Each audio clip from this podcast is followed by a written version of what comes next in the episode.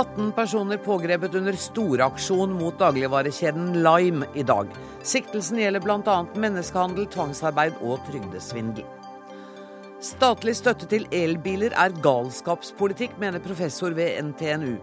Professoren ser ikke energirevolusjonen, svarer miljøbevegelsen. Og hvor lenge skal elbilistene få lov til å nyte kollektivfeltet? Stans luksussponsingen av boligeiere, sier Sosialistisk Ungdom. Det enkle er ofte det beste, svarer Høyre, som vil beholde dagens ordning.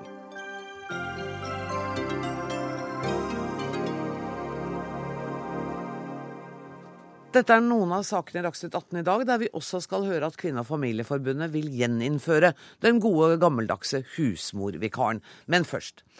18 personer ble pågrepet under en stor razzia mot samtlige butikker i dagligvarekjeden Lime i dag. Ti av dem er siktet for menneskehandel. Aksjonen var et samarbeid mellom politiet, Nav og Skatt øst. Politimester på Romerike, Bjørn Vanvik, velkommen hit. Tusen takk. Eh, 280 personer var involvert i dagens aksjon. Hvorfor gikk dere til aksjon i dag? Gikk til aksjon i dag for å sikre bevis i forbindelse med etterforskningen av denne saken, som også gjelder både menneskehandel og bedrageri og helleri. Og så ble det en stor aksjon, fordi denne kjeden har så mange butikker. 29 butikker. Og det er et poeng for oss da når vi slår til å prøve å sikre bevis samtidig, så ikke vi unngår bevisforspillelse. Så da ble det et stort omfang. Også i, til, i forkant kontrollene, av kontrollene så pågrep vi da disse personene også. Og så har dere et samarbeid med Nav og, og Skatt øst. Hvor vanlig er det? Det blir vel mer og mer vanlig, og det har jo vært noen år med mye godt samarbeid. Men det spesielle i denne saken syns jeg er at vi har fått et veldig godt og tett samarbeid under hele etterforskningen.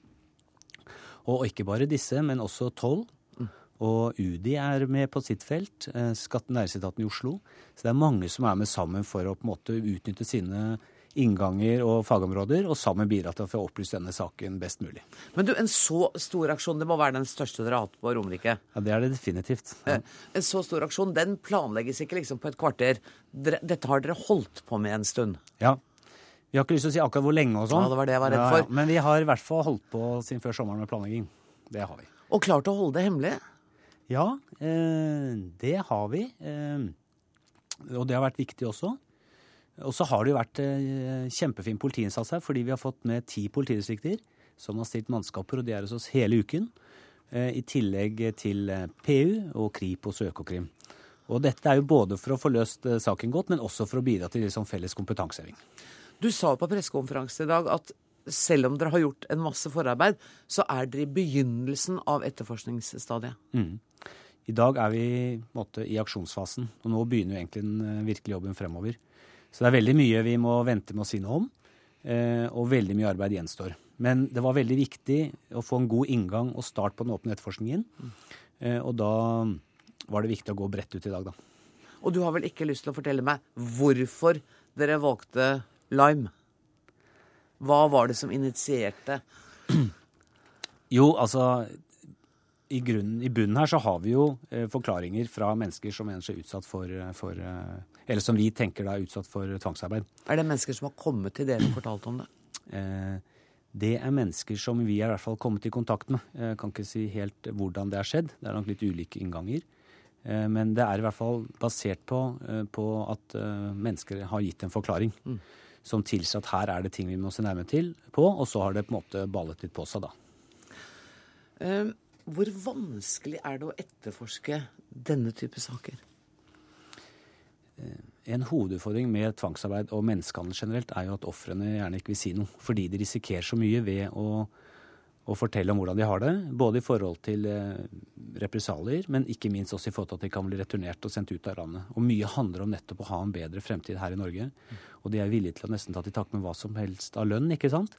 Så det er en hovedutfordring. I tillegg så er jo dette en sak som vi ikke har prøvd ordentlig før i forhold til tvangsarbeid og menneskehandel, nemlig hvor grad av tvang må til for at vi kan si at det er, er menneskehandel. Og du sa også på pressekonferansen noe om disse menneskenes sårbarhet i forhold Ja. til at de ikke kjenner det norske eh, samfunnet. Ja. Eh, de er her, som du sier, i håp om å bygge seg en bedre framtid. Mm. De har tatt opp lån for å komme hit. Sånn at det å snakke med politiet er vel ikke det de har aller mest lyst til. Nei og, nei, og fordi også mange kanskje har et annet forhold til politiet enn det vi pleier her, da. Jan Egil Kristiansen, du er skattekrimsjef Skatt øst. Hvor omfattende skattesvindel vil du si det er snakk om her? For vår del så er dette den største aksjonen eh, vi har hatt, altså vi i Skattekrim. Eh, Vi var ute 31 eh, hos oss, altså våre revisorer. Og i tillegg så hadde vi med 22 dataeksperter fra, fra skatteetaten. Så over 53 altså, ja. Ja. Ja, medarbeidere. Det er mange på én aksjon, og vi var ute i hele 20 butikker. og og det er stort. Og for vår del så er det Vi er veldig opptatt av å kontrollere denne kontantomsetningen. Det er en krevende, utfordrende oppgave. Hvorfor det? For, det? for meg ser det ut som det er penger i ei kasse, og det må være lett å telle opp. Telle opp, men det er det som slås inn. Altså, Du kan telle opp, og så putter du det helt andre steder. Altså, Det er jo der man jukser. I, I disse bransjene så er det kontantomsetningen. Og det er fortsatt veldig mange, og jeg vil si altfor mange, eh, som betaler kontant. Det er mye lettere å kontrollere hvis man bruker kort. Så utfordringen her er å finne den omsetningen som da skal være slått inn på kassaapparatene, men som vi nå vet at man jukser med ved at man kan manipulere og fjerne salg etter at det er slått inn. Så for kunden så ser det ut som man slår det inn, og så kan de fjerne det etterpå. Det, det er å prøve å finne det, og finne omfanget av denne eventuelle kontantomsetningen, som er vår store jobb nå. Har dere noen idé om omfanget? Nei, vi har egentlig ikke det. Eh, Men, det er det vi skal prøve å finne ut. Og, og det er da viktig at vi bistår, og at det er politiet som, og politiets hjemler. Da. Altså de kan gå mye videre enn oss. Særlig med oss å kunne kontrollere hjemme. Altså, dette er jo ting som vi ikke finner i regnskapene. Dette er ting som holdes utenfor det vi kaller for svart omsetning, svarte lønninger. Og da vil vi lete etter spor f.eks. hjemme, og der de prøver å skjule det for oss. Så det er den muligheten vi har for å klare å finne det, pluss at vi kan da, håper å si, dataekspertene kan gå gjennom disse kassaapparatene. Er du også enig med politimesteren i at det står et, er et stort etterforskningsarbeid som gjenstår? Jeg er veldig enig. Det er stor utredning, masse arbeid for oss å gjøre, og granske, granske pengestrømmene. Men det er jo det våre folk er trent til og lært til å gjøre, da, så det er faktisk jobben vår. Men eh, vi kommer til å holde på en god stund, ja. Er dette en type aksjoner som vi kan komme til å se flere av, tror du? Ja, altså Jeg mener det er helt nødvendig at vi i større grad samarbeider med, med politiet, Nav, Arbeidstilsynet og andre myndigheter. Altså Det er måten vi kan gjøre det på. Hvor vi da har våre oppgaver, bruker vår ekspertise. Og så bruker vi summen av alle de mulighetene vi har, altså bruker hele verktøykassa, for å si det sånn, for å klare å finne sporene. Fordi de kriminelle blir mer og mer profesjonelle. Og da er vi i hvert fall nødt til å bruke de mulighetene vi har, med, med oss å bruke alle etaters eh, å si, verktøy for å kunne klare å avsløre det. Politimester Vanvik, eh, de menneskene som da har vært utsatt for menneskehandel etter det dere mener, eh, ingenting er jo bevist og ingen er dømt, eh, hvor kommer disse menneskene fra? I denne saken så er det i hovedsak fra Nepal og Pakistan. Så langt av de vi har eh, identifisert, da. Og hvor mange mennesker snakker vi om her? Ja, Det vil vi ikke helt si ennå, da. Litt Nei. av hensyn til etterforskningen og, og si liksom hvor mange. Men vi har flere. Og vi håper jo også denne aksjonen skulle bidra til å skaffe opplysning om kanskje enda flere mennesker som eh, kan ha vært utsatt for dette. da. Hvor lang tid ser du for deg at etterforskningen skal pågå? Godt spørsmål. Eh, Jeg vil jo gjerne at dette skal gå, gå fort, på en måte. Men, men det er et stort arbeid, og det viktige tror jeg at vi har nå god trøkk og, og, og fremdrift i saken. Kommer det til å være en tiltalebeslutning i løpet av året? Det tror jeg ikke vi kan eh, love, men vi kan jo håpe på at det Ja, det får vi se. Tusen takk for at dere kom til Dagsnytt 18, Bjørn Vanvik og Jan Egil Kristiansen. Dagsnytt 18 alle hverdager klokka 18. På NRK P2 og NRK2.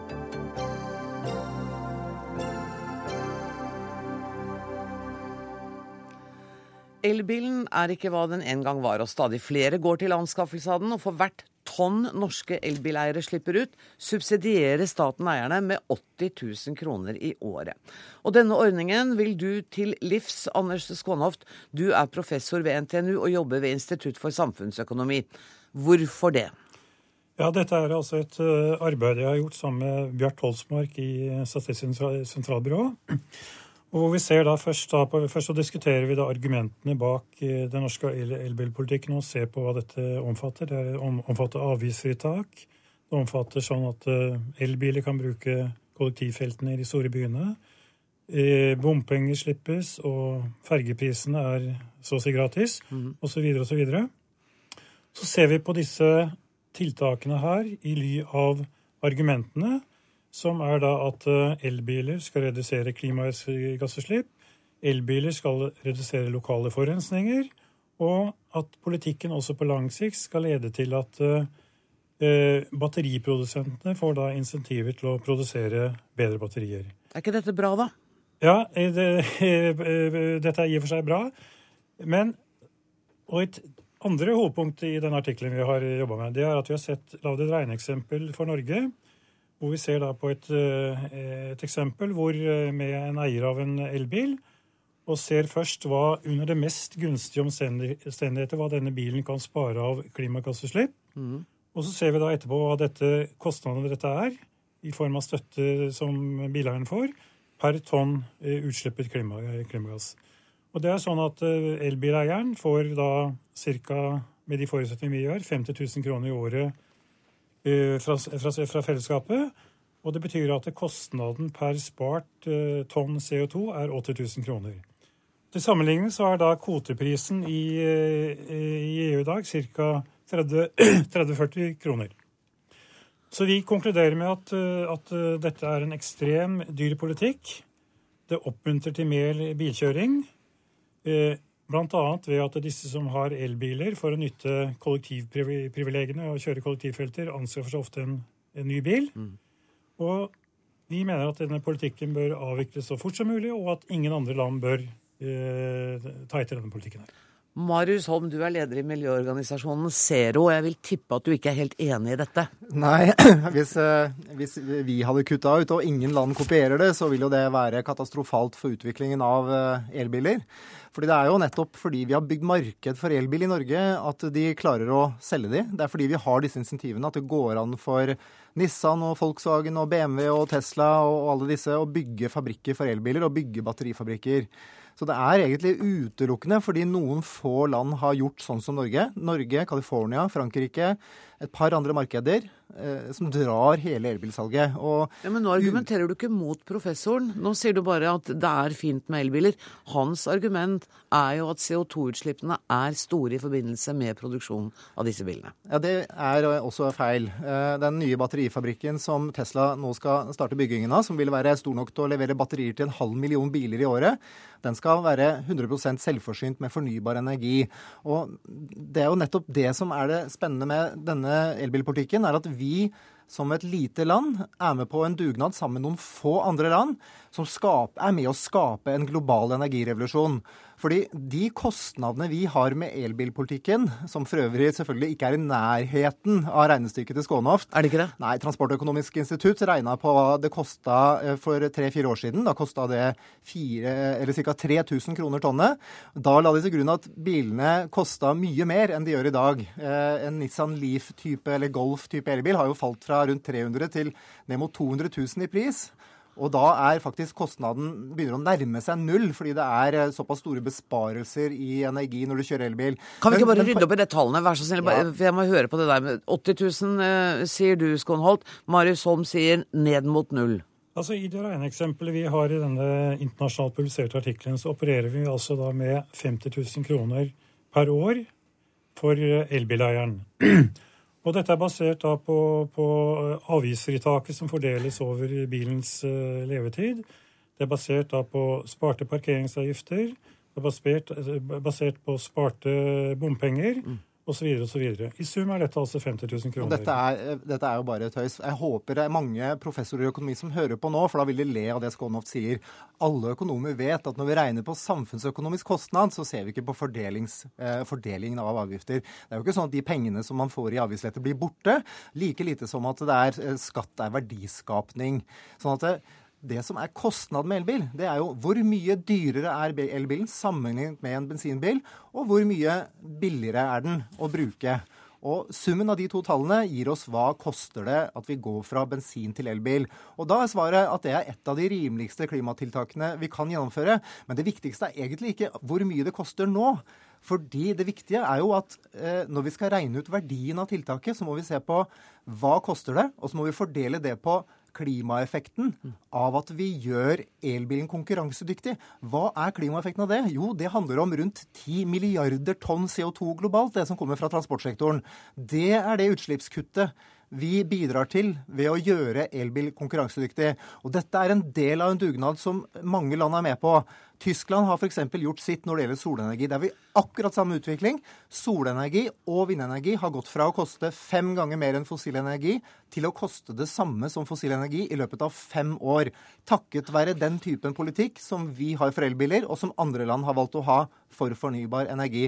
Denne revolusjonen skjer nå.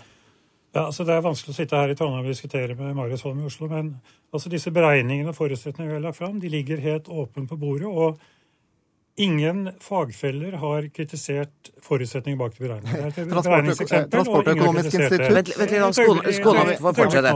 Skånhoff, nei, vet du hva, Skånhoff må få fortsette. Et øyeblikk nå. Så er disse altså da omkalkulert da, til en kostnad eh, per tonn spart eh, CO2. Og jeg sa også at dette er beregnet på den mest gunstige ordningen, i den forstand at f.eks. For det faktum at elbileiere ofte kjøper elbilen som et tillegg til den bilen de allerede har, det er heller ikke tatt med i regnestykket her. Ja, her så, så, ja, det, så, et øyeblikk nå, for la meg bare avslutte. Så, da, la oss få lov å avslutte. Så altså, Konklusjonen vi har, det er på en måte at dette er ekstremt, et ekstremt dyrt klimatiltak. Ja. Og, eh, og, vi skal også huske på at, på en måte at eh, privatbilen i Norge hvis, hvis, vi tenker oss at alle privatbiler i Norge ble på en måte faset ut gjennom elbiler, så ville det kanskje da spart oss for eh, la oss si 2,5 eh, millioner tonn eh, CO2. Og det er bare noen få prosent av det samlede CO2-utslippet i Norge. Så disse, alle disse midlene som brukes til, til elbiler, det er på en måte bortkasta penger i det store. Nå må Holm få lov å svare. Det er altså ingen fagfeller som har eh, sagt no, Det er ingen andre økonomer som sier at dette regnestykket er riktig. Alle økonomer som jobber med eh, klima og transport, ler av det regnestykket til Skånhaft. Eller de griner nesten, fordi det er så tragisk at det får lov å slippe til i debatten. Fordi det er så feil som det går an å få blitt. Det er rundt 30 ganger høyere enn den reelle kostnaden. Mm. Det er det ene. Det andre er vi klarer altså ikke å løse klimaproblemet hvis ikke vi får til et fullstendig teknologiskift fra bensin og diesel til elbil. Det er et teknologiskift som nå skjer. Takket være den politikken vi har, og takket være noen få andre land. Hadde det ikke vært for Norge og disse andre landene, så hadde ikke denne revolusjonen vært i gang. Hadde, nå, nå, vurderer jo investeringsbanker i, i, London og i New York de vurderer oljeaksjer som risikable, fordi de ser at elbil og solenergi er i ferd med å bli billigere enn fossil energi. Og det, det er en eh, revolusjon som altså, som vi ikke turte å drømme om for ti år siden, men som nå gjør at det går an å være optimist på klimaets vegne. Skånhoffs alternativ, å kjøpe kvoter, det er jo et fantasifoster. For det fordrer jo at det finnes et kvotesystem som, som faktisk løser klimaproblemet. Det finnes dessverre ikke. Og det må bli den neste debatten, men vi setter strek for denne debatten her. Tusen takk for at dere deltok, Marius Holm og Anders Skånhoft. Vi skal fortsette å snakke om elbil. Vi skal se på en annen side av dette temaet. For én ting er nå miljøaspektet, noe annet er trafikken. Nå varsler politikere at elbilistenes rett til å bruke kollektivfeltet kan stå for fall. Når det skjer, er litt mer uklart. Ingrid Elisabeth Sagdal, du er kommunikasjonssjef i NAF, og dere mener at det er plass til mange flere enn i dag i kollektivfeltene, og at elbilene bør beholde denne fordelen. Hvorfor i all verden det? Ja, La meg nå først si at vi selvfølgelig også mener at bussen skal fram først. Mm. Eh, og så er vi opptatt av å få fakta på bordet. Det er en strekning, Vestkorridoren, inn mot Oslo, som er noe belasta.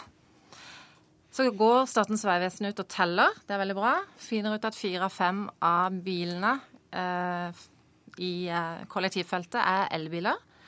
Og da er det noen som konkluderer ganske raskt, TØI og andre. Nei, nå må vi stenge elbilmuligheten. Eh, Det er jo eh, en ganske skummel ting å si. Derfor gikk vi inn og søkte etter fakta. Og vi eh, fant ut at nei da, det er plass til dobbelt så mange elbiler i kollektivfeltet.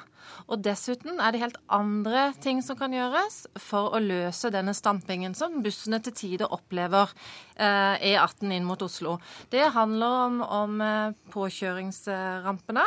Det handler om noen busslommer som ikke er så veldig fornuftig konstruert. Her kan man gjøre tiltak før man kaster elbilen ut av kollektivfeltet. Og dessuten så har vi regna videre, vi. For vi har funnet ut hva som skjer hvis elbilene skal kjøre de andre feltene. Da blir det nemlig 20 lengre kø. Køen er lang nok eh, i dag. Det blir mye mer utslipp av både CO2 og NOx. Og det koster trafikanter og næringsliv dyrt. Det snakker om eh, nærmere to millioner i døgnet. Og når vi la fram de faktaene der, så begynte noen å Eller noen slutta å si da at eh, vi måtte stenge kollektivfeltet. Det som er litt skuffa over, det er at politikerne skal være så ansvarlige. Astrup og andre sier at jo, jo, nå må vi, vi må, bussen må fram, så vi må snart uh, stenge kollektivfeltet. Vi du er den første jeg har hørt i Dagsnytt 18 som er skuffa over å ha ansvarlige politikere, men det er jo interessant. Nei, men de, ja, altså jeg er ikke skuffa over at de er for ansvarlige, men ikke være så overansvarlige at da sier det før det er nødvendig. Og dessuten, det handler om en liten strekning. Åh. Oh, ja. Nå tar du alle argumentene på en gang. Det, vi, vi, vi, deler det litt opp. Ja. Eh, Nikolai Astrup, eh, ansvarlig politiker.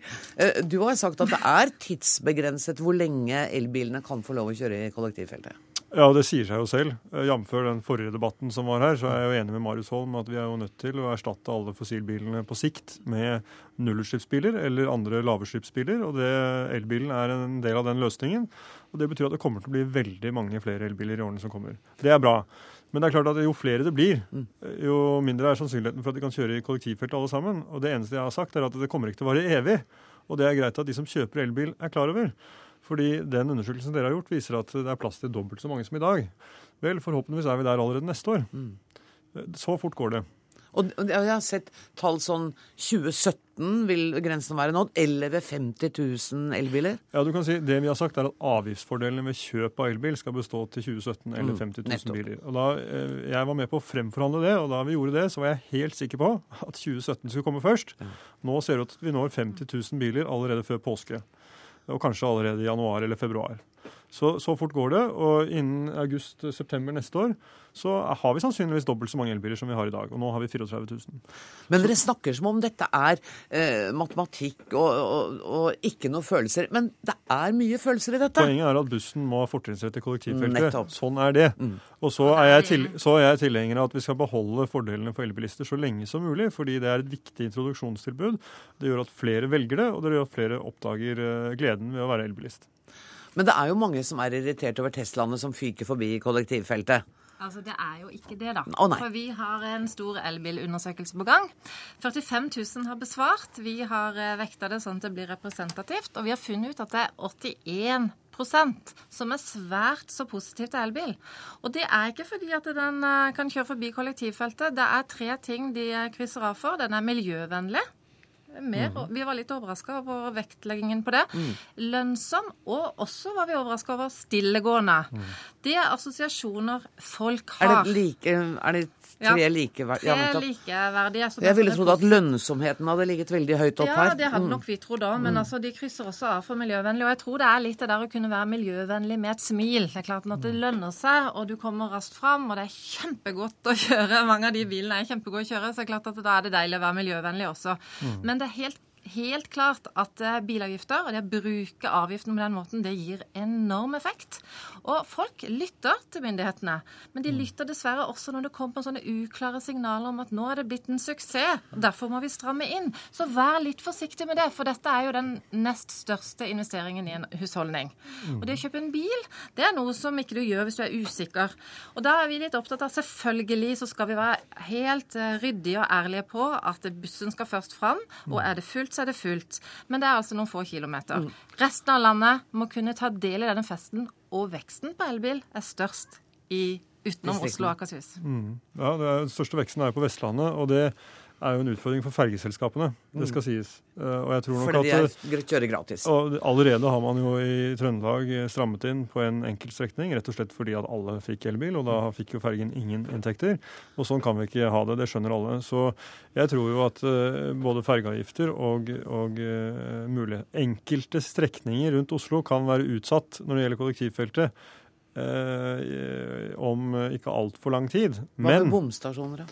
Ja, bomstasjoner er også en problemstilling. og det er klart at eh, For Oslo så er det jo sånn at de som eh, passerer bomringen, de er med å betale 50% av kollektivsatsingen i Oslo. Og det er jo merkelig at ikke elbilistene skal være med å betale det. Det mener jeg som elbilist selv. Eh, Men samtidig så har vi nå sagt at det skal være sånn som et introduksjonstilbud. Og det er klart det er et viktig argument for mange. Men det virkelig viktige argumentet er jo når du kjøper bilen. Det er Engangsavgiften. engangsavgiften. Ja. Og så er det når du bruker bilen. For det er klart at eh, strømmen koster nå 20-30 øre kilowatten, og bensinen koster 16 kroner literen. Og det regnestykket er så enkelt at eh, da Dagens Næringsliv skulle ha en sånn eh, montasje over hva, hva, hvordan er de forskjellige bileierne, så sa de at elbileiere har bare én ting til felles, og det er at de kan regne. Mm. Og det tror jeg er en ganske grei konklusjon. Og da bør vi ikke snakke om mangel på ladestasjoner og sånn akkurat nå, kanskje? Nei, men det er klart at det, eh, for, for de aller fleste så er ikke ladestasjoner et stort problem. De, færre, de fleste kjører jo mindre enn fem mil om dagen. Og alle elbiler som er i salg i dag, kjører mer enn fem, mil, Mm. om dagen. Og de, alle kjører faktisk mer enn ti, stort sett. Så med unntak av Buddy, kanskje.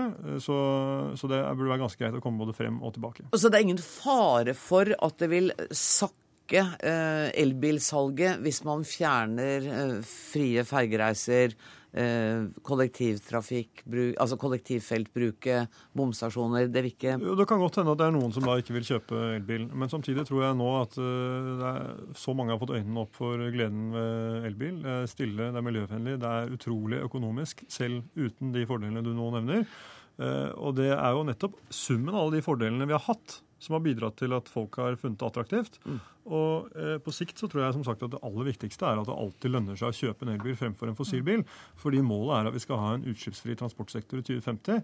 Det er ikke så veldig lenge til, og vi er nødt til å begynne å skifte ut bilparken nå. Og da må dere ikke gjøre noe med momsen. Og la oss bare minne om at det er 2,5 eller 2,7 millioner eh, bensin- og dieselbiler. 34 000 elbiler.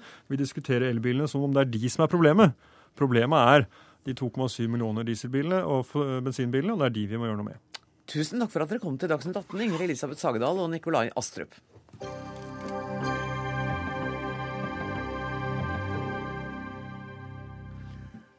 Regjeringen ønsker å leie inntil 300 fengselsplasser i Nederland.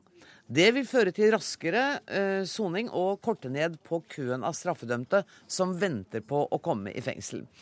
Vidar Brein-Karlsen, statssekretær i Justisdepartementet. Er dette den mest effektive måten å kutte soningskøen på?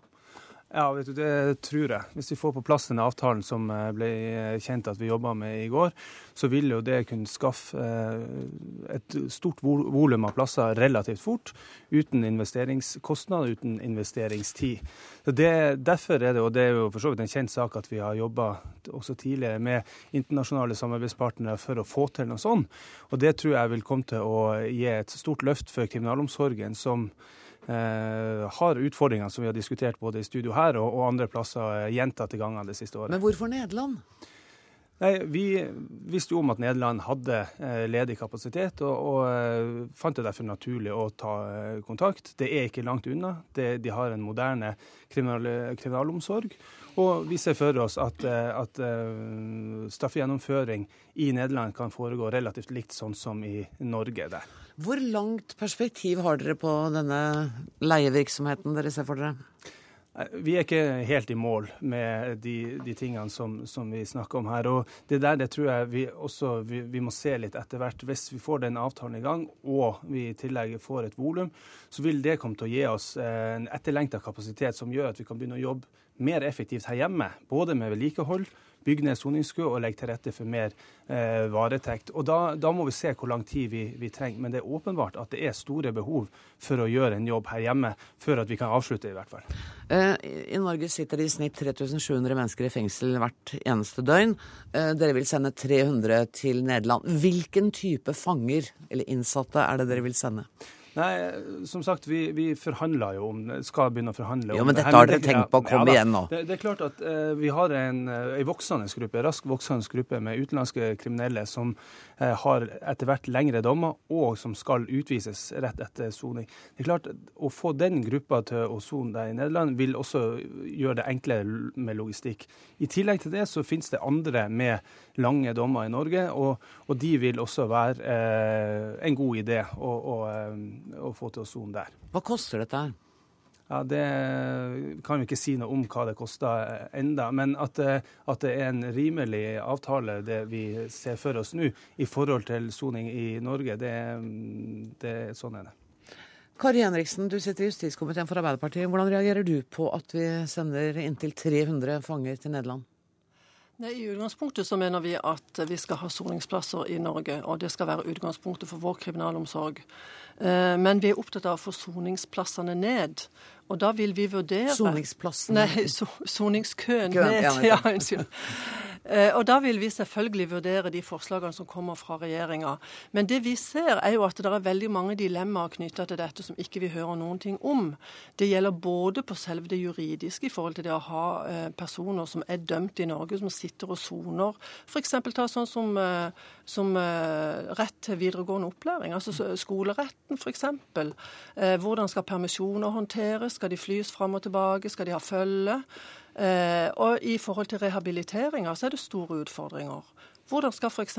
pårørende og familier besøke de når de er i Nederland? Hvem skal bekoste den ekstra lengden? Så det er veldig mange dilemmaer knytta til det forslaget som regjeringa nå legger fram. Og vi, vil, og vi forventer at en del av de svarene på dette vil komme i den stortingsmeldinga. Og vi kommer ikke til å ta stilling til dette forslaget før det kommer til Det kan hende du får noen svar nå. Brein Karlsen har Ja bedt da, om nei, ordet. og Vi skal godta at eh, Arbeiderpartiet er litt misunnelig i dag. ikke sant? Og det er klart Alle de her spørsmål er, som, som stilles her, er, er klart vi har tenkt på også. Og så vil jeg understreke at, som Kari Henriksen også sier, at eh, utgangspunktet er at vi sjøl skal ta, eh, ta vare på den samfunnsoppgaven som, som eh, kriminalomsorg er i Norge. Men det har jo ikke vært eh, Det er jo nesten ikke mulig lenger. Pga. åtte år uten, Ja, ja. uten uh, at man har uh, prioritert det her feltet overhodet. På et eller annet tidspunkt må dere slutte å bruke det der argumentet med de åtte årene hvor ingenting har skjedd, altså. Men kan jeg bare spørre, Det er jo litt, litt underlig at de faktisk utsetter det viktigste virkemidlet, som er å få, på, å starte bygginga med et nytt fengsel. Hvis de syns åtte år er langt, så kunne de ha satt i gang med en gang. For det lå faktisk et vedtak fra den forrige regjeringa med ferdige planer. Det var øh, disse konseptvalgutredningene, som det heter så fint, på å starte en øh, bygging av nytt fengsel. Og Hvis det er så, så veldig prekært med de 300 nye plassene, så er det ganske underlig at nå har vi venta i ett år. Og Arbeiderpartiet er utålmodige for å få på plass flere soningsplasser. Og de kommer ikke utenom et nytt fengsel uansett, Ja, men tenker La meg jeg. få svar på det. det. Det er veldig fint. for at, eh, Det er kanskje litt av forskjellen. Du spurte innledningsvis om det her er den mest effektive måten. Ja, det tror jeg det er. Og, og det er kanskje forskjellen på oss og, og eh, Arbeiderpartiet. Vi vil løse de problemene vi har i dag, snart. De vil løse det om sju eller åtte år, som da et nytt fengsel vil ta. Men da må jeg spørre, Og da- og når er skal det det det nye er fengselet komme? Det- Mener dere at ja, ikke det er behov for nei, et nytt fengsel? Som, som, eh, som Kari Henriksen, eh, Henriksen også vet, så skal vi legge frem en stortingsmelding Kommer det Fengsel, Og fengsel da, da kommer vi til å legge en plan for hvordan vi bygger ut kapasiteten i Norge. Men vi kan ikke vente til et nytt fengsel for å begynne å løse de her problemene, sånn som med deres forslag. Marte Rua, du er forsker ved Institutt for kriminologi og rettssosiologi ved Universitetet i Oslo. Um, nå fikk ikke Kari Henriksen ordentlig svar på hva skjer med permisjoner, framstillinger, utdanning, alle velferdsgoder. Hvordan er det juridiske det der? Hvem bestemmer når de er i Nederland? Nei, dette vil jo bli veldig vanskelig, selvfølgelig. Fordi at i Norge så er eh, Når man blir fradømt friheten i Norge, så blir man ikke fradømt andre rettigheter. Eh, og når man blir satt i fengsel, så blir man isolert fra samfunnet for en tid. Men planen for hva som skal skje etterpå, skal allerede startes fra dag én. Og da vil det jo selvsagt være veldig vanskelig å holde kontakt med den kommunen man skal tilbake til. Eh, I tillegg til andre relasjoner man måtte ha i Norge, med familie, ektefelle og pårørende. Eh, andre pårørende, også om man skal utvises etterpå. Sånn at det vil jo bli en rekke både praktiske problemer for myndigheter på ulike nivåer. Men også selvfølgelig veldig mange prinsipielle spørsmål, særlig i forhold til likhet, likhet for loven og, og rettssikkerhet eh, med, med, denne ordningen. Ja, jeg tenker på et sånn praktisk, Hvis en innsatt har permisjon, Eh, er borte, og så ikke kommer tilbake til fengselet. Er det da nederlandske eller norske myndigheter? Hva, hva, skjer da? Altså, I Belgia så er avtalen med Norge annonsert i dag av statssekretær Tiefen, eh, og lansert eh, med argument om at det vil bli Var det Belgia eller var det Nederland? Nei, unnskyld. I, i, i Nederland. Det er Nederland. Jeg beklager. Ja, nei, alltid. Um, og argumentet der nede er at dette vil gi økte arbeidsplasser i Nederland, fordi pårørende vil måtte reise langt og bo på hotell og, og måtte spise på restauranter i Tilburg, der hvor fengselet som, som de har leid ut plasser eh, tidligere, eh, ligger. Og eh, I tillegg så forsikrer de da lokalbefolkningen om at permisjoner ikke kommer til å bli tillatt. Sånn at soning i fengselet der nede vil ikke bare representere en mye større belastning for norske fanger eller fanger fra Norge, fordi de vil være langt unna pårørende og livet der hjemme. Men det vil faktisk også være en tøffere soning enn det som eh, fanger i Nederland vil oppleve. Og vil ikke det være i strid med norske regler, da? At man ikke skal ha adgang til permisjoner i soningstid? Altså Permisjoner er, eh, er fordelt altså, og er et viktig virkemiddel for å starte tilvenningen til Nettopp. å komme tilbake til samfunnet etterpå, og ikke miste alt av kontakt med livet utenfor. Og alle sånne regler i forhold til progresjonen i soningen og hvilket språk skal klager sendes på? Hvilke, altså dette her er et annet land. Det er et annet system, andre institusjoner og andre forhold. Og dette vil jo gjøre soningen mye tøffere. Og hovedproblemet med det er jo selvsagt at uh, vi vet at folk blir ikke snillere og får ikke uh, Det blir ikke lettere for folk å starte et uh, liv integrert i samfunnet utenfor ved, med tøffere soning. Tvert imot så vil det føre til økt sjanse for tilbakefall og på sikt økt kriminalitet. Brein Karlsen, er det et par ting dere ikke har tenkt godt nok gjennom her? Nei, men jeg syns på en måte at uh, kriminologen her foregriper en god del ting. For det første, så når, når den nederlandske statssekretæren eh, har annonsert det, så mente han helt sikkert at det ikke kom til å være permisjoner i Nederland. Det betyr ikke at, de, at uh, langtidsdømte, f.eks. nordmenn, kan få permisjon i Norge. Det er én ting. I forhold til tilbakeføring, så er det jo, har de innhold i soning i Nederland også. Og det, vi får jo se hvordan for, forhandlingene blir om det er noe vi legger til rette for på utsida eller på innsida av den avtalen. Når det gjelder pårørende og, og besøk derfra, så er det noe som er en utfordring i Norge, på samme måte som det vil bli der. Og Hvis man ser på kartet, så er det ikke så fryktelig langt fra en del plasser i Norge til Nederland som det er fra en, eh, en del plasser i Norge og til andre deler i Norge. Og Da tenker jeg konkret på eh, Sør-Norge, Oslo eh, og Agder og i det hele tatt opp til Nord-Norge vi har et fengsel i Vadsø, i Tromsø. Vi får ganske store utfordringer knytta til besøk der òg. Så eh, det her er jo, som også blir sagt, praktiske problemstillinger, men det er mulig å løse. Kommer alt dette i stortingsmeldinga, alle svarene? Ja, vi, har, det, vi, trenger ikke nødvendigvis å legge frem denne avtalen samtidig Nei. som den stortingsmeldinga. Stein Aabe, jeg invitert deg i studio også. Velkommen hit, og politisk kommentator i Dagbladet. Eh, når kom vi egentlig på tanken på å eksportere kriminelle, spør du i en kommentar, en kommentar i dag. Og, og svarer litt sjøl, for det vi lo av Carl I. Hagen, som foreslo å sende narkomane til Jan Mayen. Hvorfor ler vi ikke av at Anders Anundsen vil sende innsatte til Nederland? Nei, Det er jo forskjell på Bjørnøya og Jan Mayen og Nederland, selvfølgelig. Det er en rettsstat, og det er sikkert en bedre kriminalomsorg der. Men det som jeg prøvde å, å formulere i min spissformulerte artikkel, var at det har skjedd en, en mentalitetsendring fra 70-tallet. Da drev Bjørn Stuttum Sand og Odd Børretzen og harselerte med den type holdninger. Enten det dreide seg om kriminelle eller det dreide seg om innvandrere. Og det var da Carl I. Hagen i 1977 da foreslo at narkomane og narkolangere skulle og burde eh, eksporteres til, til, disse fjerntliggende øyene. Da lo nok eh, mange, og andre ble skremt. Mm. Eh, men eh, på den tida så var jo eh, altså, Ungdomsgenerasjonen var jo da mer kriminologisk anlagt. Mm. Vi lyttet mer på, til sånne som Marte her. Vi hadde Nils Kristi, vi hadde Thomas Mathisen, disse nevnte humoristene osv. Ikke minst hadde vi Inger Louise Valle. Ikke minst hadde vi Inger Louise Valle. Eh, som jo med rette er etterlyst i senere år. Eh, hun er dessverre død, men, eh, men hun sto jo for en, en, kriminalpolitikk som var mer human og la mye større vekt på forebygging. Altså, Det er ikke bare et spørsmål om å bure folk inne og gi dem høyest mulig straffer. Vi må kanskje prøve å forhindre at så mange blir kriminelle. Men så er det jo sånn at Norge den gang var nok en mer skjermet øy. Sånn at virkeligheten har endra seg på 40 år. Uskyldsrevet den gangen. Nesten. Ikke sant. Og, da, og, vi har fått et helt annen, vi har fått det som heter en fangebefolkning. En helt annen fangebefolkning i dag enn vi hadde den gangen på, eh, på 70-tallet. Men har det også skjedd noe med oss? Ja, jeg tror det. Altså, At Fremskrittspartiet nå sitter i regjering og ikke er en flokk, Eh, betyr jo at ganske mange flere har stemt på Fremskrittspartiet, og gjort det i veldig lang tid. Så dette handler jo ikke om eh, gode eller onde politikere, eller smarte eller usmarte. Det, det handler om at dette, altså folket har stemt fram denne regjeringen, mm. og så har vi da fått en kriminalpolitikk som noen av oss eh, ikke liker, og vi mimrer litt tilbake til den gangen vi så Tage Danielssons 'Slipp fangene løs, det er vår'. Brein Karlsen, helt til slutt, jeg må bare spørre deg. Når ser du for deg, hvis de forhandlingene går nå som mm. det skal, um, når ser du for deg at de første fangene kan sendes til Nederland? Jeg håper så tidlig som mulig i 2015. Tusen takk for at dere kom til Dagsnytt 18. Vidar Brein Karlsen, Kari Henriksen, Marte Rua og Stein Aave. Hør Dagsnytt 18 når du vil.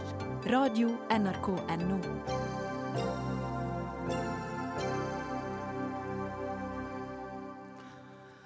Det finnes ikke hjelp til foreldre i akutte situasjoner. Det mener forbundsleder Elisabeth Rusdal i Norges kvinne- og familieforbund. Hun krever ordningen med husmorvikar tilbake. Kravet møter motbør i Høyre, som mener vi har gode nok ordninger. Debatten har tatt seg opp igjen etter at en enslig mor med brukket bein i går sto fram og fortalte om sine vanskeligheter med å få hjelp til å ta seg av tre små barn. Elisabeth Rusdal, forbundsleder i Norges kvinne- og familieforbund. Denne saken har fått dere nok en gang til å kreve en husmorvikarordning. Hvorfor det? Fordi at når du blir akutt sykdom oppstår i familien, og du har barn, så har du nok med å håndtere den, og da skulle det være enkelt å ringe og få hjelp. Noen kommuner har det, noen kommuner har overhodet ingenting. Men alle kommuner er jo pålagt å ha en sosialomsorg. Sånn at alle kommuner er pålagt å ha en ordning for dette. Ja, det er de. Og det finnes lover og forskrifter. Men når du da ringer kommunen og blir møtt med nei, da må du henvende deg til barnevernet. Nei, vi kan hjelpe deg to timer i uka, kanskje.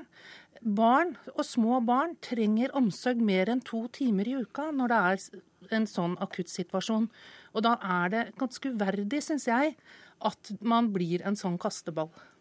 Men uh, vi snakker om husmorvikar. Jeg husker det begrepet fra, fra, gamle dager. Dette var vel noe som kom opp etter krigen, da det var mange husmødre. Nå er det ikke mange husmødre igjen.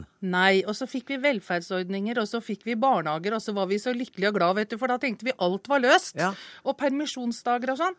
Og så viser det seg jo nå gang på gang at her er et høl vi ikke har helt sett, og det er kanskje blitt mer de senere år fordi vi flytter mer. Mm.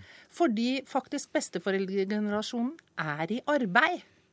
Og da blir det ikke veldig enkelt. Men mener at dette bare skal gjelde uh, familier med små barn? Kunne det ikke like gjerne gjelde voksne familier med foreldregenerasjon som de må ta seg av som er pleietrengende? Altså, Der har vi jo også noen hjemmebaserte tjenester og sånn. Eh, sånn at, men altså, vi trenger den avlastningen ved akutt sykdom. Og så kan vi jo gå i en diskusjon med hvor mange skal det være. Mm. Men barn er fremtiden. Små barn fortjener noe bedre enn den stressituasjonen som vi kanskje var vitne til i går. Bente Stein Mathisen, eh, du er leder av arbeids- og sosialkomiteen for Høyre. Er ikke du enig i dette? Jeg er ikke leder av den komiteen, oh, men jeg er medlem. Du er medlem av den, Unnskyld, jeg beklager. Ja, altså Jeg mener at vi har eh, et lovverk i dag eh, som, eh, som, legger opp til at man kan søke om å få praktisk bistand i hjemmet når man har behov for det. Det lovverket har vi. Det er også det samme lovverket som faktisk husmorvikarordningen også er hjemlet i de kommunene som har det. Så vi har den ordningen. Og, men det er opp til kommunene da, å dimensjonere behovet ut fra den vurdering som de, de gjør. Men det, det, fungerer jo åpenbart ikke godt nok i dag, da? Nei, altså Denne saken som, som debatten kommer rundt nå, det er klart dette var en spesiell sak. og og det er vel ingen som ønsker seg at det skal være sånn. Og jeg har også vært i kontakt med ordføreren i dag, som beklager veldig det, det som skjedde i Elverum. Og den saken er nå løst, bare sånn at den vi er løst, Mm. og de har beklaget, og de kommer til å gå gjennom rutinene for. Sånn skal vi ikke ha det. Når folk opplever en akutt behov for praktisk bistand i hjemmet, sånn som denne unge moren opplevde, og som andre opplever, også eldre og andre, så har vi altså et lovverk som, som sier at kommunen har plikt til, og personen har rett til, å få praktisk bistand i hjemmet. Vi må snakke med Marte Hammer også, du er kvinnepolitisk leder i SV. Eh, Dere krever å innføre en ordning med familievikar som skal styres gjennom helsestasjonene i kommunene. Hvorfor det? Nei, Det er jo det som eh, blir sagt her, da, at det er mange familier i dag som opplever at de ikke får det de har eh, behov for i en akutt overgangsfase når det er krise, og hvor man har ofte små barn. Og Vi foreslår jo at det er en ting som bør organiseres gjennom helsestasjonen, fordi at helsestasjonen er den tjenesten som i dag eh, er tett på barna og følger familiene eh, eh, tett og har veldig høy tillit i befolkninga. Men vil ikke det kunne variere like mye som dagens ordning? Tenker du, altså at et, Fra kommune til kommune, tenker jeg nå. Nei, ja, jeg håper at vi kan få til en mer eh, kjent ordning som er mer eh, etablert. For det er jo sånn som det sier nå, at det er mange ulike typer eh, ordninger i de ulike kommunene. Og noen har jo faktisk ingenting. Og det å styrke helsestasjonen, som har vært SV sine satsingsområder nå i lang tid, og som vil fortsatt være det, er tenker jeg er en, den riktige veien å gjøre for å, at flere skal få et reelt tilbud om behov når de faktisk trenger det. Elisabeth Rusdal, er du enig i det? Altså, Ja, det høres veldig bra ut. Jeg syns ikke vi skal henge oss så mye opp i hva navnet er. Eller hvor det skal er innholdet- organiseres. Hvor det skal organiseres. Det er faktisk innholdet og at tjenesten er på plass. Og jeg har lyst til å utfordre Mathisen på at eh, ta nå kontakt med dine partifeller i regjeringen. Foreta en kartlegging. Og se hvordan ser det ut i Kommune-Norge. Vi hadde en eh, ved årtusenskiftet. Den var ikke positiv. Den er i hvert fall ikke noe bedre i dag. Se på det, og parallelt med det, send ut noe skriv. Vekke opp disse lovene. Men det må altså også følge penger med, for ellers så blir faktisk disse foreldrene kasteballer igjen. Men da dere staten... gjorde den undersøkelsen ved årtusenskiftet, ja. hvor stort var problemet den gangen? Kan du huske det? Nei, jeg husker ikke det, for jeg var ikke så oppi det. Men jeg vet at det var, eh, det var omtrent som vi frykta, at det var i ferd med å avdekke seg nå. Vi forsøkte sammen med Kommunenes Sentralforbund å dra det. Vi snakket for døve ører. Eh, Det er veldig hyggelig at SV nå drar saken opp igjen. Det er bare trist at ikke de har hørt på oss de siste åra da de satt i regjering, for da var det muligheter til å gjøre noe. Nå har Mathisen kanskje muligheten, å i hvert fall få ut og få dratt opp lovene og se på. For det nytter ikke å si at loven er der, kommunene skal vurdere.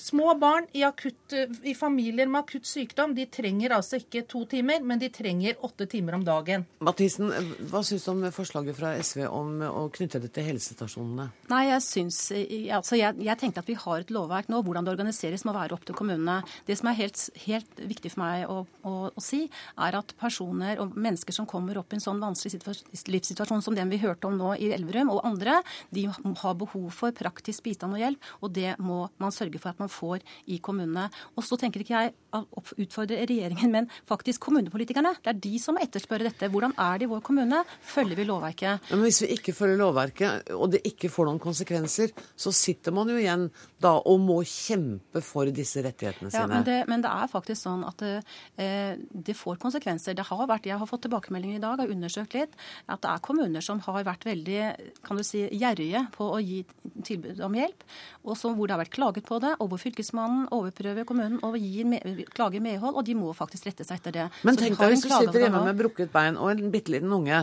og så skal du klage, og så skal du til Fylkesmannen. Altså, Nei, en akutt, en akutt situasjon kan man selvfølgelig ikke vente på sånn. Da må man rett og slett gripe fatt i folk som kan hjelpe seg, og stå på krav at det, det har man faktisk krav på, som også ble gjort i denne kommunen.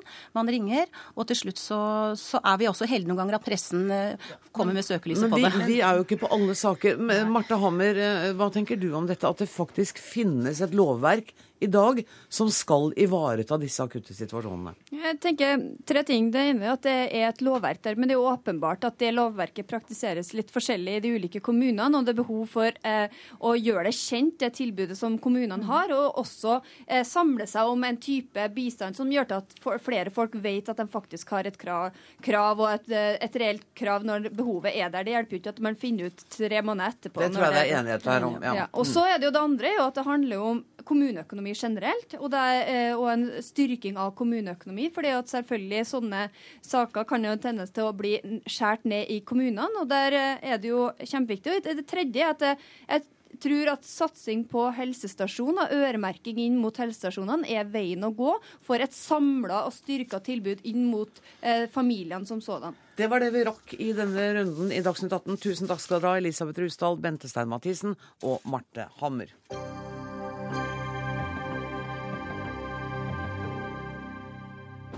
Skattereglene på bolig stenger unge ute fra boligmarkedet, mener Sosialistisk Ungdom. Slik det er i dag, kan boligeiere trekke fra 27% av rentene på boliglånet. Samtidig er det bare 30% av boligens verdi som går inn i formueberegningen. Nicolas Wilkinson, du er leder i SU, og det er du som mener at disse ordningene stenger unge ute fra boligmarkedet. Hvorfor det, når ordningene gjelder jo flatt for alle? Rentefradraget gjorde en gang i tiden at folk som hadde kjøpt hus, fikk dekka noen av utgiftene. Og ja. vi vil at flest mulig skal eie sin egen bolig, så det er bra. Problemet er at det har gjort at alle har økt budene sine på bolig. Det pumper opp boligprisene. Det, skaper... det går så fort. Ja.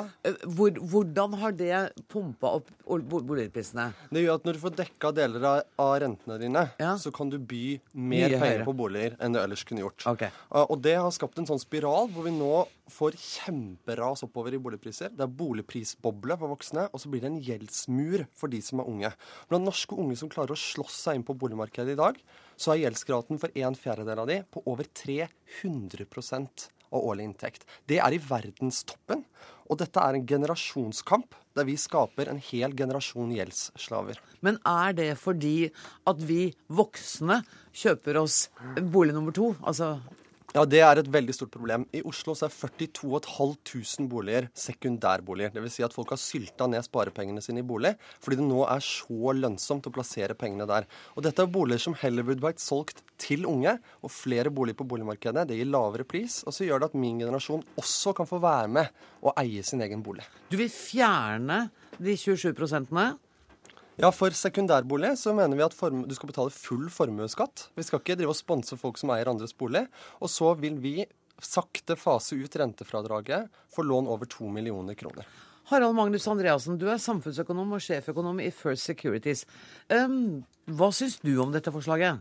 Ja, først må jeg si at Nå det, heter vi Swedbank. Å, unnskyld! Jeg beklager så mye. Ja, ja.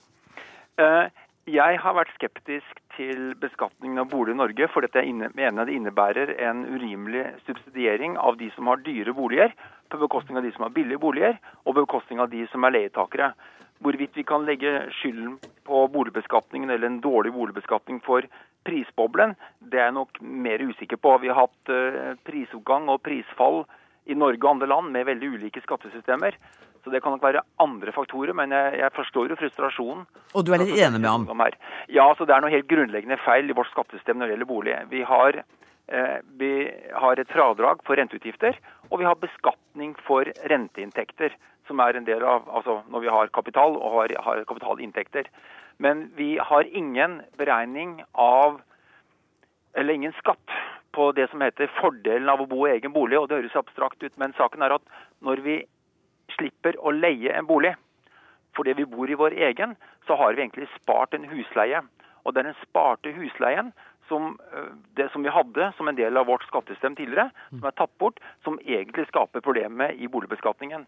Vi har altså et rentefradrag for utgiftene, mens vi ikke har noen tilhørende inntektsberegning. Og Dermed så reduserer skatten når du kjøper bolig, og da faktisk uavhengig om du låner pengene eller den tar penger ut av banken. Vi har en dobbel fordel, rett og slett, vi som eier egen bolig? Ja, det er mange fordeler. Og jeg ser at det kan være grunner til å, å støtte øh, folk som kjøper sin egen bolig.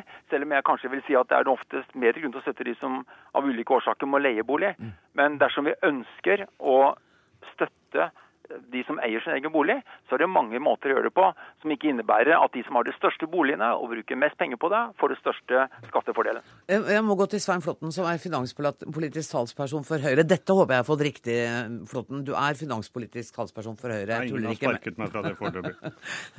Hvordan reagerer du på disse forslagene? Jeg bare si til det siste Harald Magnus Andreassen sier at fordelen ved å ha egen bolig, den inntektsbeskatningen, den fjernet Høyre i 2002 da vi var i regjering, og ingen har heldigvis etterpå kommet på å, å gjeninnføre den. Og både Andreassen og andre sjeføkonomer er på en evig jakt etter å beskatte folks boliger hardere. Enten ved å øke skattene, sånn som vi nå diskuterer, og også i forbindelse med å øke renten.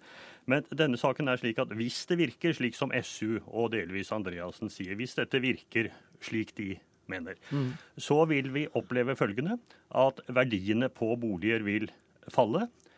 Skattefradraget blir borte. Og det er ikke sånn at det treffer en haug med rikinger. Det treffer gjennomsnittsinvestor. Det treffer yngre mennesker som har etablert seg, som er i en familiebolig, som er helt avhengig av å få dette rentefradraget for å få økonomien sin til å gå opp. Men det treffer jo også de 42 500 som har sekundærbolig i Oslo, da. Ja, men vi må slutte å diskutere både skattepolitikk og rentefradrag ut fra situasjonen i én by. Dette landet er faktisk noe større enn det. Og Når det gjelder sekundærboligene i Oslo, så leies jo de ofte bort. Øker du beskatningen, så øker leieprisene. Så blir det enda vanskeligere for de som skal spare til å komme inn på boligmarkedet, fordi at de må betale mer i leie. Det er også en del av spiralen. Men, jeg tror ikke det blir slik at prisene kommer til å falle. Men det kan vi komme tilbake til. Ok, hvilken sånn? Ja, altså Dette er jo bare feil. Vi har en rekke på rad med sjefsøkonomer som er enige med oss i at vi faktisk er nødt til å kutte dette. Og det er jo nettopp for å få prisene ned. I dag så er det sånn at en rik familie Du får jo mer gjeld hvis du har mulighet til å ta mer gjeld hvis du har høyere inntekt. En rik familie får 56 000 kroner tilbake på skatten. Mens en vanlig familie får rundt 14 000 kroner tilbake på skatten. Det vil si at vi bruker 58 milliarder kroner til sammen på å sponse dette her. Men hvordan har du beregna de 56 000 kronene? Altså, kan jo gå, gå. Det er bolig, hytte, båt, to biler. da. Ja, nettopp. Ja, ja. Eh, men det er altså 58 milliarder kroner. Og Hvis du hadde tatt bare deler av dette, la oss si en stor boligbyggingssatsing til 40 milliarder kroner, da hadde vi virkelig snakka. Da hadde vi klart å løse boligproblemet i Norge med en stor boligbygging, med billige boliger til unge og med trygg boligpriser, trygge boligpriser for de som eier allerede i dag. Jeg må bare høre med, med Harald Magnus Andreassen i Svedbank om, om du eh, hørte at du ba om ordet her? Ja, jeg vil alltid ha ordet. Eh, nå er det slik at, eh, at Du sier at det er noen sjeføkonomer som ønsker det, men dette er noe som alle som har studert saken, er ganske enige om.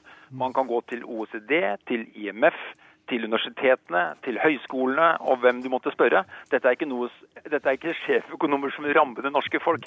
Av og til så er vi bare budbringere av de enkle sammenhenger. Uh, av og til er det om renter, og av og til er det om, om beskatning. Og det jeg sier, og ikke alle sjeføkonomer er enige for øvrig heller, det er noe så, det jeg sier er at dagens skattesystem ikke kan forsvares langs noen av de linjene som man skulle normalt bruke for å få et bra fungerende boligmarked. Hvordan ville du beskatte boligene? Ja, det har flere alternativer. Ehm, jeg primært ville nok hatt en ordning hvor vi gjeninnførte fordelen av å bo i egen bolig. Nettopp. Det er mulig vi kan godt ordne det via en nasjonal eiendomsskatt hvor du f.eks. hadde en skattesats på en halv prosent eller 0,7% av en reell markedsverdi. Og jeg ser ingen grunn til ikke ha full markedsverdi av alle boliger. Mm. Eventuelt med et skikkelig bunnfradrag i bunnen, hvis vi ønsker det. Og så er det slik. Når jeg, når jeg ønsker å ha en bedre fungerende boligbeskatning, så innebærer det helt riktig at vi drar inn mer penger fra de som har boliger som er større enn normale og dyrere normalt. Okay, men, Samtidig, men det, det, er viktig her. Samtidig vil jeg bruke de skatteinntektene. Noen vil kanskje bygge, bruke det på boligsubsidier på å bygge nye boliger. Jeg ville kanskje like gjerne brukt det på å kutte skattene på folk. Jeg tror Skal vi overhodet kunne få gjennomslag for en slik endring, så må det være at de pengene vi drar inn i form av en mer korrekt, og jeg skal kunne klare å forklare til folket hvorfor det er riktig beskatning, så skal vi bruke de pengene på å senke skatten på folks inntekter og pensjoner eventuelt. Nå må jeg slippe til flåtten. Ja, takk. Og jeg tror det er enda enklere å forklare folket at uh, man ikke vil beskatte deres hus og hjem mer, og heller ikke vil ta vekk uh, ta vekk rentefradraget. Det er én grunn til at boliger blir dyrere. Og det er at det bygges for få boliger. Hvis det var et større tilbud, hvis det ble bygget flere boliger, hvis man forenklet prosessene med at ikke byggeselskap måtte holde på i årevis for å få lov å få godkjent reguleringsplaner for å komme gjennom i byggesaksprosessene, så ville tilbudet bli høyere, og prisene ville gå ned. Og jeg går ut fra at det vil selv sjefsøkonomer mene er en helt normal funksjon av markedet. Det er der det vesentlige ligger. Okay. Ikke i å pålegge folk mer i skatt. Men nå har jeg tenkt å gi Wilkinson eh, det siste ordet, for vi har 20 sekunder igjen. Ja, altså, Det som er trist her, er at dette er elefanten i rommet som ingen av voksenpartiene tør å ta i. Vi ja, har gjør jo alle, det nå. Ja, nå, nå gjør vi det. Ja, ja. Og det er veldig bra, for dette er en generasjonskamp hvor min generasjon sitter igjen som gjeldsslaver på et berg av en prisfest som er i ferd med å knekke boligmarkedet vårt. Det er viktig at vi gjør dette til en myk landing, enn at det kommer som et krasj om noen år. Myk landing er i hvert fall denne sendinga i ferd med å gå inn for. Tusen takk til Nicolas Wilkinson, til Svein Flåtten og til Harald Magnus Andreasson i Svedbank. Ansvarlig for Dagsnytt 18 i dag har vært Alf Hartken. Det tekniske ansvaret har Karl Johan Rimstad. Jeg heter Anne Grosvold. Takk for nå.